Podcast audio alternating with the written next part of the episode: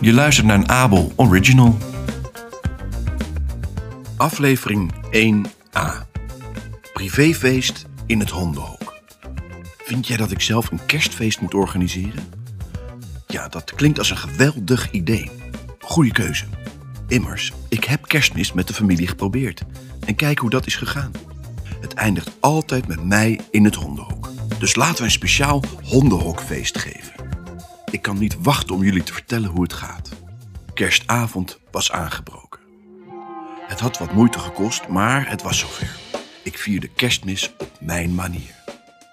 Om te beginnen had ik gasten nodig. Er zijn genoeg andere honden in de buurt en ik wed dat ook zij in hun hondenhok zitten te niksen en te blaffen. Ze wachten waarschijnlijk op een kans om een speciale kerstavond te hebben, net als ik. Maar hoe kon ik iedereen uitnodigen zonder naar elk huis afzonderlijk te gaan en aan de voordeur te blaffen? Toen kreeg ik een idee. Ik klom bovenop mijn hondenhok en haalde diep adem. Toen met al mijn kracht liet ik mijn innerlijke wolf los. Auw! Auw!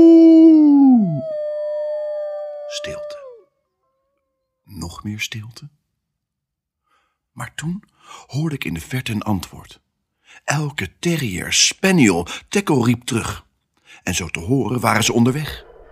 Al snel was de tuin vol met honden in alle soorten en maten. Ik zag zelfs mijn Chihuahua en Sint-Bernard die ik vorig jaar in de kennel had ontmoet. Ik wist dat ze dit jaar ook zin hadden in een feestje. Buurthonden, blafte ik. Als we er een onvergetelijke kerst van willen maken, moeten we samenwerken. We weten allemaal dat het beste deel van het kerstmis het diner is. En ik weet niet hoe het met jullie hondenhokken zit, maar mijne heeft geen oven. Dus we moeten zoveel mogelijk eten gaan vinden zonder dat onze families merken dat er iets weg is. Doe je best, mijn vrienden, en kom hier terug op kerstochtend. De honden knikten allemaal en met veel geblaf renden ze terug naar hun huizen om zich voor te bereiden op de grote dag. En ik, ik had mijn eigen plan. Ik kroop uit mijn bed en waggelde naar de keuken.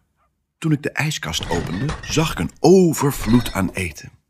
Wat een lekkernijen. Oeh, dit was moeilijk. Ik wilde niet alles nemen, want ik wilde hun kerst niet verpesten. Maar als het om eten gaat, kan ik me nogal lastig beheersen.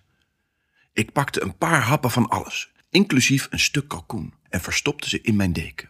Ik kon nauwelijks slapen, zo opgewonden was ik. Toen het ochtend werd, hoorde ik Ruby naar beneden stormen, gevolgd door David en Suzanne. De deur opende om mij eruit te laten. Ik sleepte het eten in de deken stiekem de tuin in. De geur was ongelooflijk toen het rond mijn kleine houten huis zweefde. Nu was het tijd om het hok te versieren. Mijn verzameling stokken vormde een perfect geïmproviseerde kerstboom. In plaats van klatergoud versierde ik hem met een van mijn hondenriemen. Als kerstballen groef ik enkele oude tennisballen op die ik in de tuin had begraven. Het voelde net als kerstmis. Maar waar waren mijn gasten? Niemand was gekomen.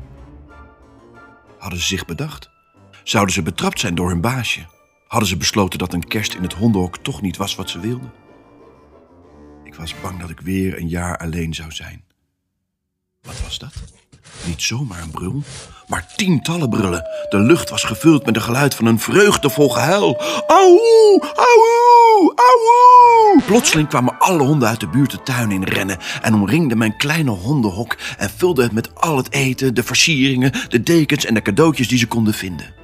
Er was niet veel plek, maar ik liet iedereen binnen, van de Dalmatiërs tot de dwergkeeshondjes. Er was genoeg kerstvreugde voor iedereen.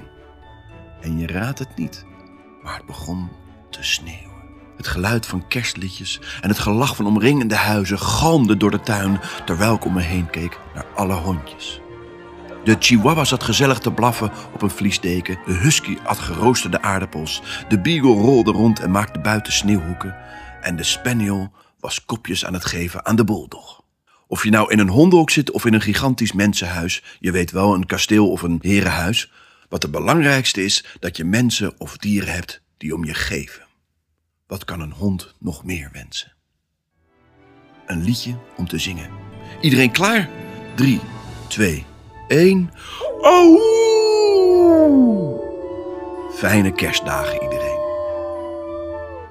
Bedankt voor het luisteren naar een Abel Original.